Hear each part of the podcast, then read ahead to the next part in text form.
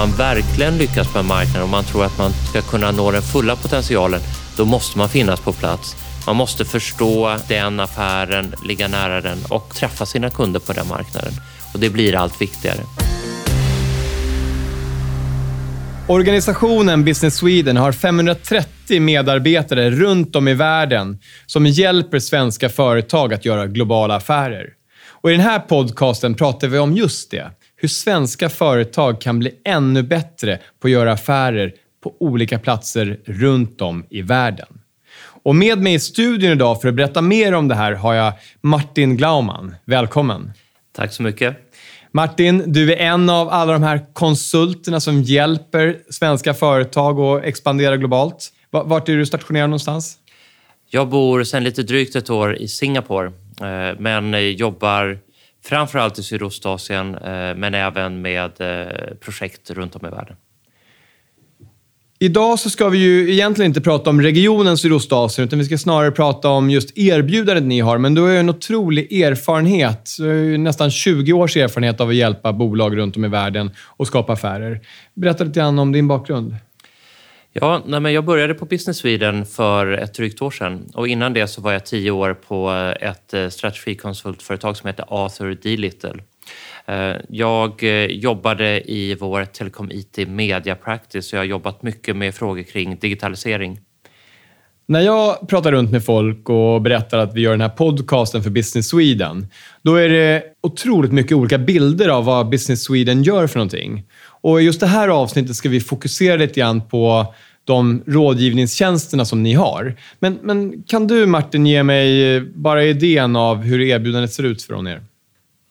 Ja, absolut. Så eh, konsulterbjudandet är en ganska stor del av vår verksamhet och eh, vi hjälper ju företag av alla storlekar, från de allra minsta och upp till de ledande svenska industriföretagen.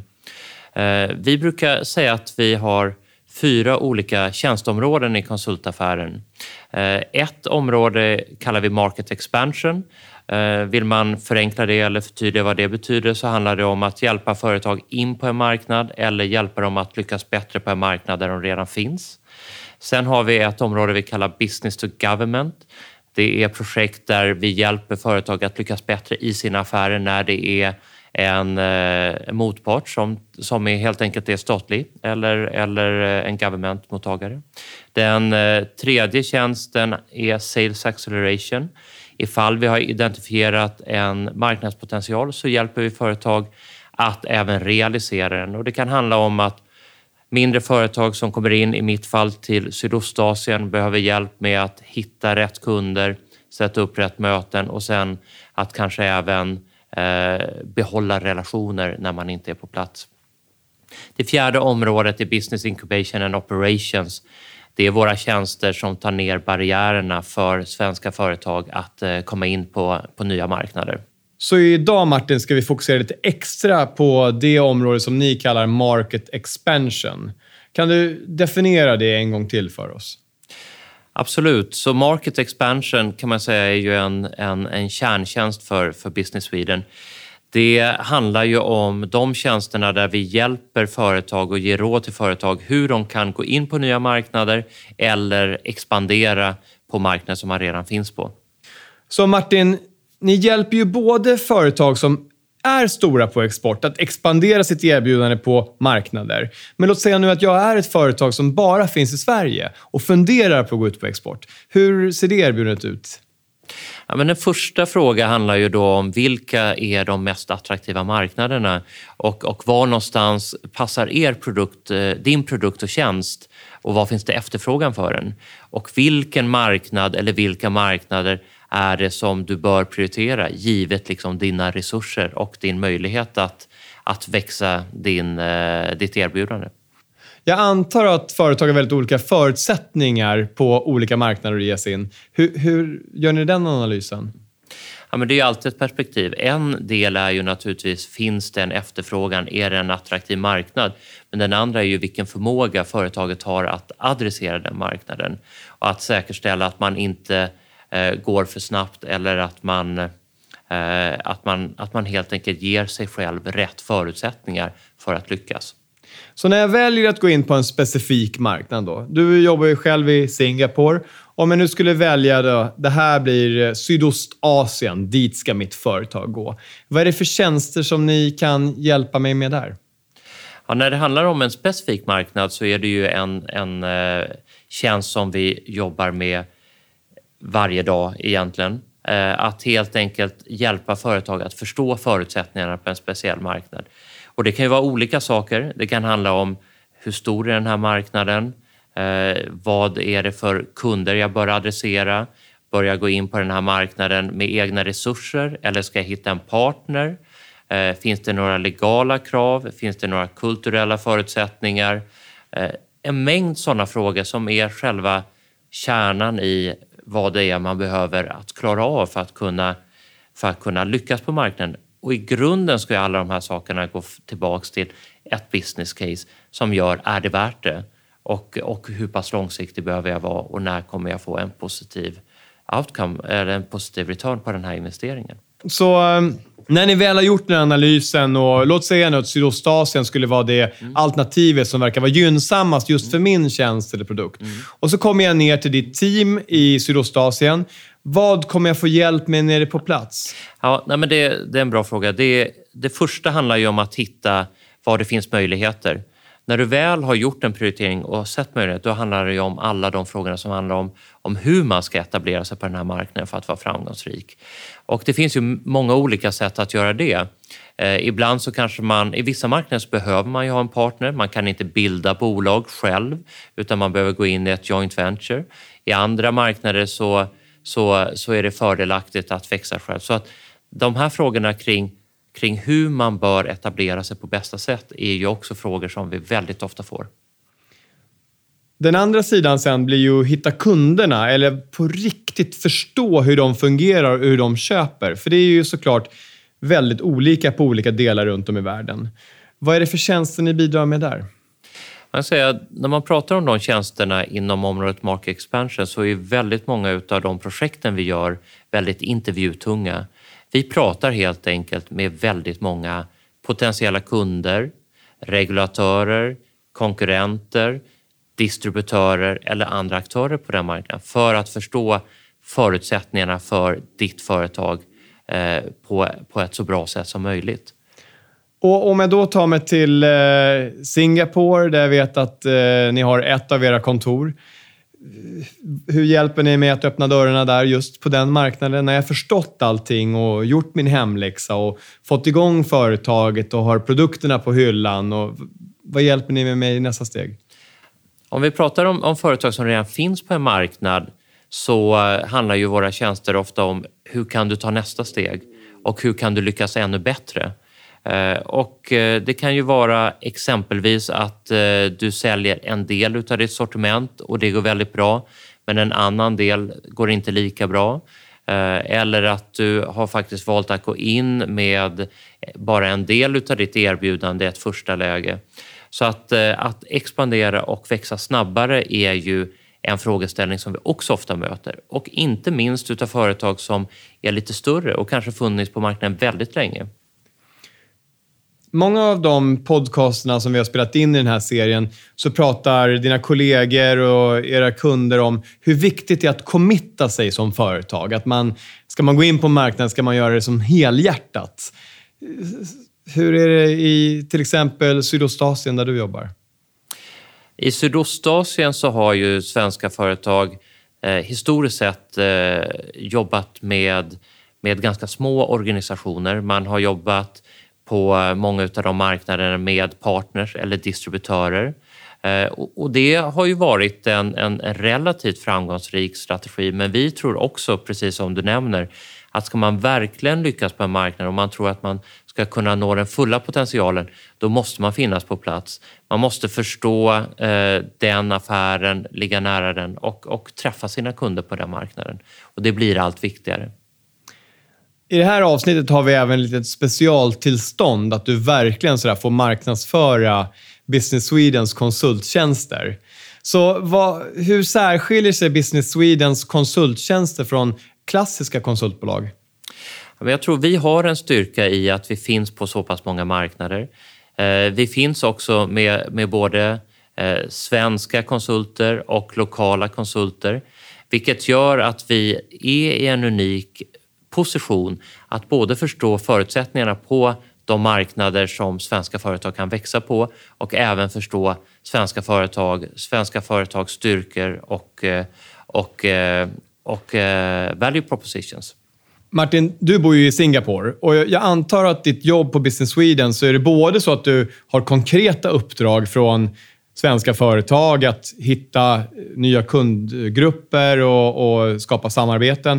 Men jag kan också tänka mig att du springer på en del affärsmöjligheter där du faktiskt inte har uppdragsgivaren ännu. Ja, men det stämmer. Vi försöker ju alltid ligga nära marknaderna och det allra roligaste projektet att göra är ju ifall man själv har varit med och identifierat det. Och, eh, när jag var ny nere i Singapore så var ett av de första projekten som, som jag var med och sålde Eh, Eh, var det en, eh, en, ett svenskt företag i Malaysia som sa att förra gången vi gjorde ett projekt tillsammans med er, då sålde er projektledare två stycken kompressorer och eh, det finansierade hela projektet och mer det till. Så vi vill ju ligga väldigt nära affären och inte göra teoretiska projekt och långa rapporter utan snarare skapa konkreta affärsmöjligheter. Det är lite häftigt när någon av dina kollegor på Business Sweden är den som gör säljet. Ja, och jag tror att det, det finns liksom några saker som, som, eh, som man kan lära av det. Och man jämför också oss mot, mot andra konsultbolag som också jobbar med marknadsanalyser så, så tror jag att en sak som vi har med oss är att vi finns på plats på väldigt många marknader. Vi är en mix utav svenska projektledare och lokala konsulter. Så vår, mixen utav att både kunna den lokala marknaden och kunna de svenska företagen och att vilja då generera nya affärer och nya intäkter för svenska företag. Det är det som är drivkraften. Och det är anledningen till att vi investerar i att ha den här typen av tjänst. Så hur ser ni själva, hur strukturerar ni upp tjänsterna för företag? Vad är det för typ av saker jag kan få hjälp med som företagare, förutom det som du nämner här? Hur är idén där? Jag tror att det, vi, vi har en tjänsteportfölj och vi har ett antal tjänster i den. Men det är ändå värt att säga att vi går ju aldrig in i en diskussion med ett svenskt företag och säger här har vi våra tjänster, vilken är det du ska köpa?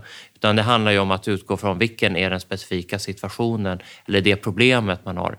Är det ett problem med att komma in på en ny marknad? Är det ett problem med att prioritera mellan vilken av de här marknaderna är egentligen mest lovande för mig som företag? Det kan vara en fråga kring, ska jag gå in på den här marknaden och bygga upp egna resurser? Eller ska jag köpa ett bolag? Eller ska jag jobba via en distributör? Alla de här frågorna är ju saker som är väldigt eh, viktiga beslut och går man fel i de frågorna så, så är det en dålig start. Det finns ju otroligt mycket olika sätt att komma i kontakt med Business Sweden på, men jag vet att på er webbsida så har ni en exportguide där man egentligen eh, testar sin affärsidé eller sin produkt och ser om den är redo för att eh, gå på export. Man får också svara på ett antal frågor för att se om företaget är, är redo eller om man har någonting kvar att göra i sin hemläxa. Vad finns det för andra sätt att eh, ta tjänster från Business Sweden? Ja, men jag tror att eh, Eh, om man tänker på när, när vi får första kontakten med ett företag kring eh, ett potentiellt uppdrag så Ibland så är det ju så att det är ett företag som, som har blivit nyfiken på en specifik marknad eller på en region.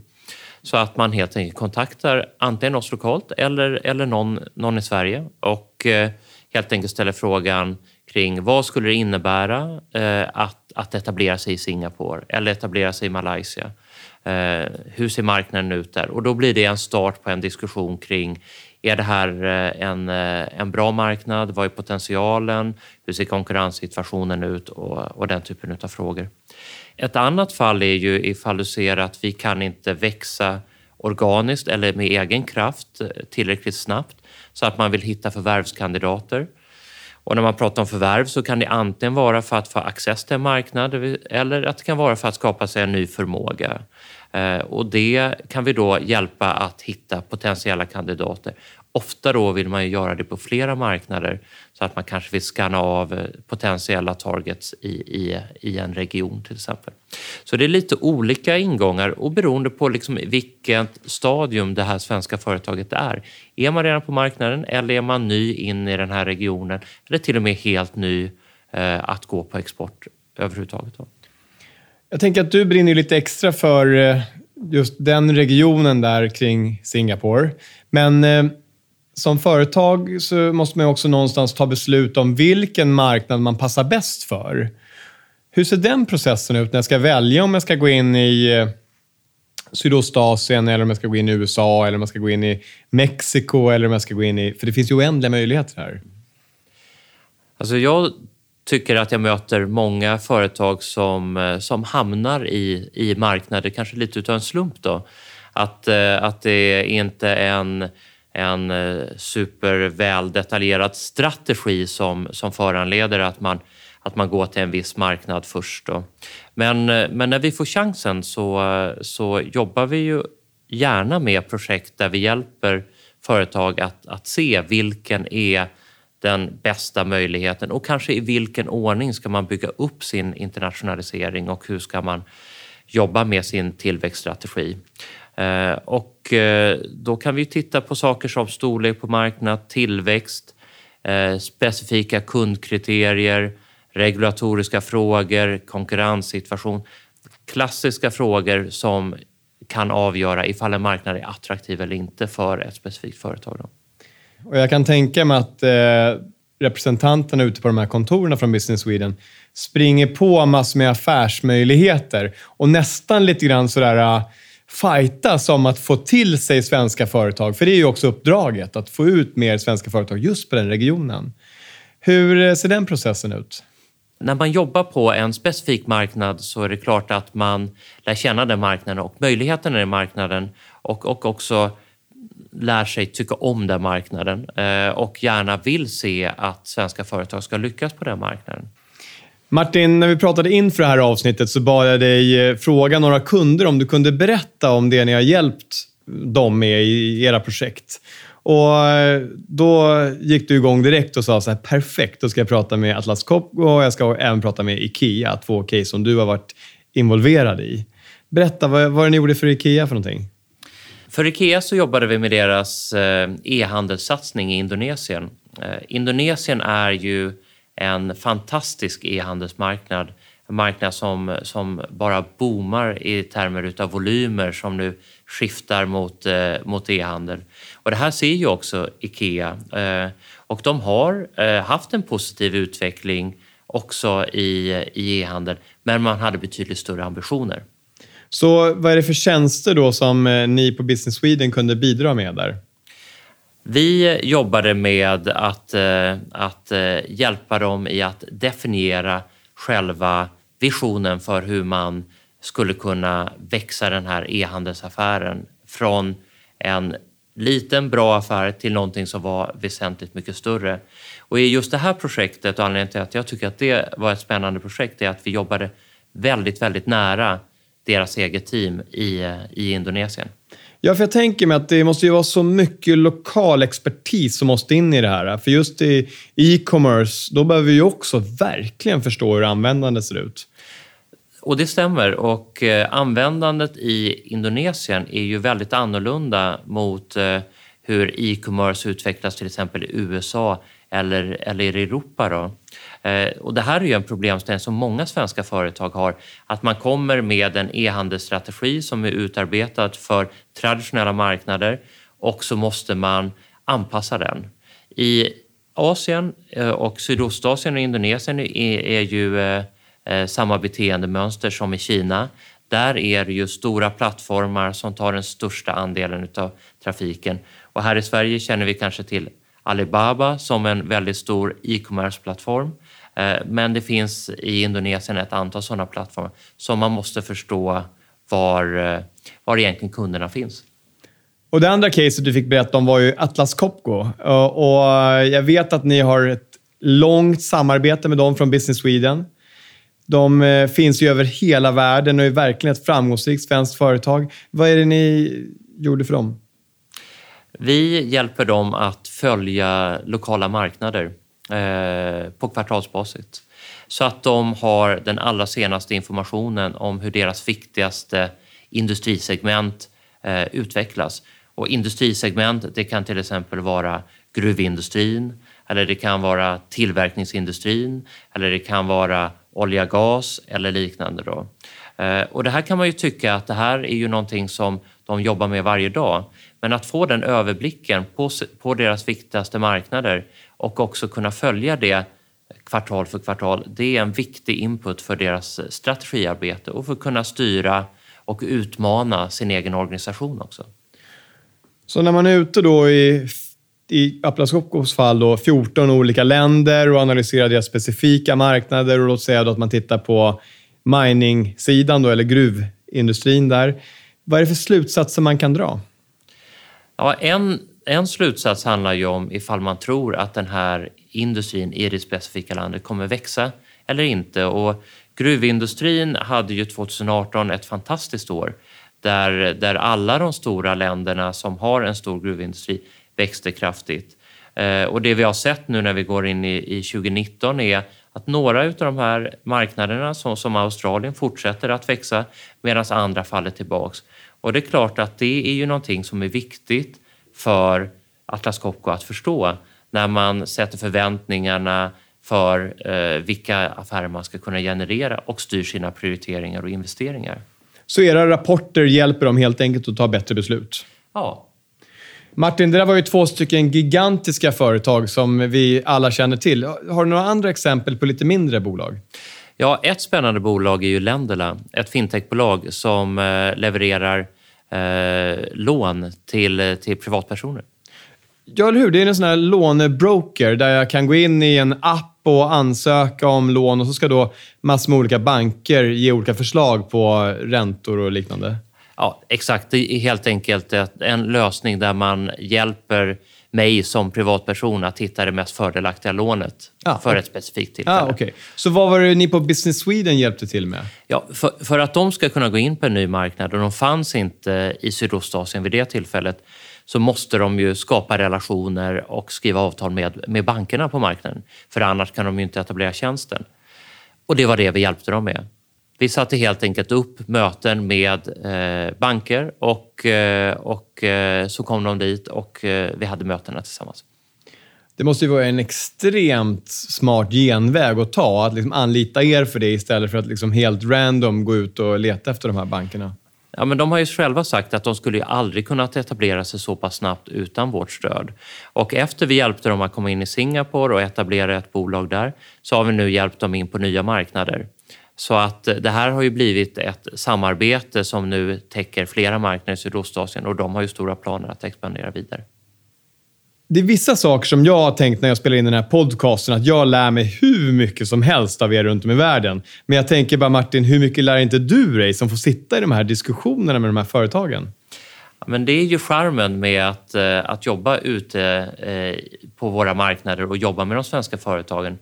Och jag tror att ett perspektiv på det är ju också att när vi jobbar med stora svenska företag som IKEA och som Atlas Copco med så pass lång erfarenhet också från att vara på många av de här marknaderna så skaffar vi också oss kunskaper som vi kan ta vidare till andra svenska företag. Och eh, det är alltid spännande att se hur svenska företag ute i internationella marknader också hjälper varandra. Vi jobbar ju mycket med att bygga communities och ömsesidigt eh, erfarenhetsutbyte. Ibland industriellt och ibland mycket bredare kring viktiga frågor. Vad är de viktigaste tipsen du vill ge till företag för att kunna bli riktigt bra på att använda sig av Business Sweden? Ja, men jag tror att, eh, att eh, det viktigaste är att, att inleda en bra dialog. För att eh, vi är ju till för att lyssna på svenska företag och hjälpa svenska företag att lyckas bättre på internationella marknader och öka sin försäljning. Eh, och, och det är därför vi finns till. Eh, och vi har många erfarna konsulter på väldigt många marknader och vi är ganska bra på att, att kunna förstå hur vi ska kunna hjälpa och, och få företagen mer framgångsrika. Martin, i den här podcasten då har jag sagt till dina kollegor när de är med i det här programmet att de inte ska prata för mycket just om Business Swedens tjänster. Men jag, jag tänkte faktiskt ge dig chansen. Tvärtom. Varför ska man som företag anlita Business Swedens konsulter? Ja, men vi, jag tycker vi har ju en unik position med fantastiska kollegor i, runt om i hela världen. Och den, den typen av närvaro och den typen av kompetens på så många marknader är helt enkelt en fantastisk resurs för svenska företag att ta hjälp i för att lyckas bättre på internationella globala marknader. Ja, och få svenska företag att göra ännu bättre globala affärer, det är ju precis vad den här podcasten handlar om. Ja, det stämmer. Det är superviktigt för svenska företag att öka sin försäljning på globala marknader. Det är på det sättet som man stärker sin konkurrenskraft och också på det sättet man bidrar till att göra Sverige starkt, ökade arbetstillfällen och tillväxt hemma här i Sverige. Det där tycker jag blir en klockren avslutning på det här avsnittet som handlar om Business Swedens konsulterbjudande och om market expansion. Tack Martin för att du har varit med i vårt program idag. Tack.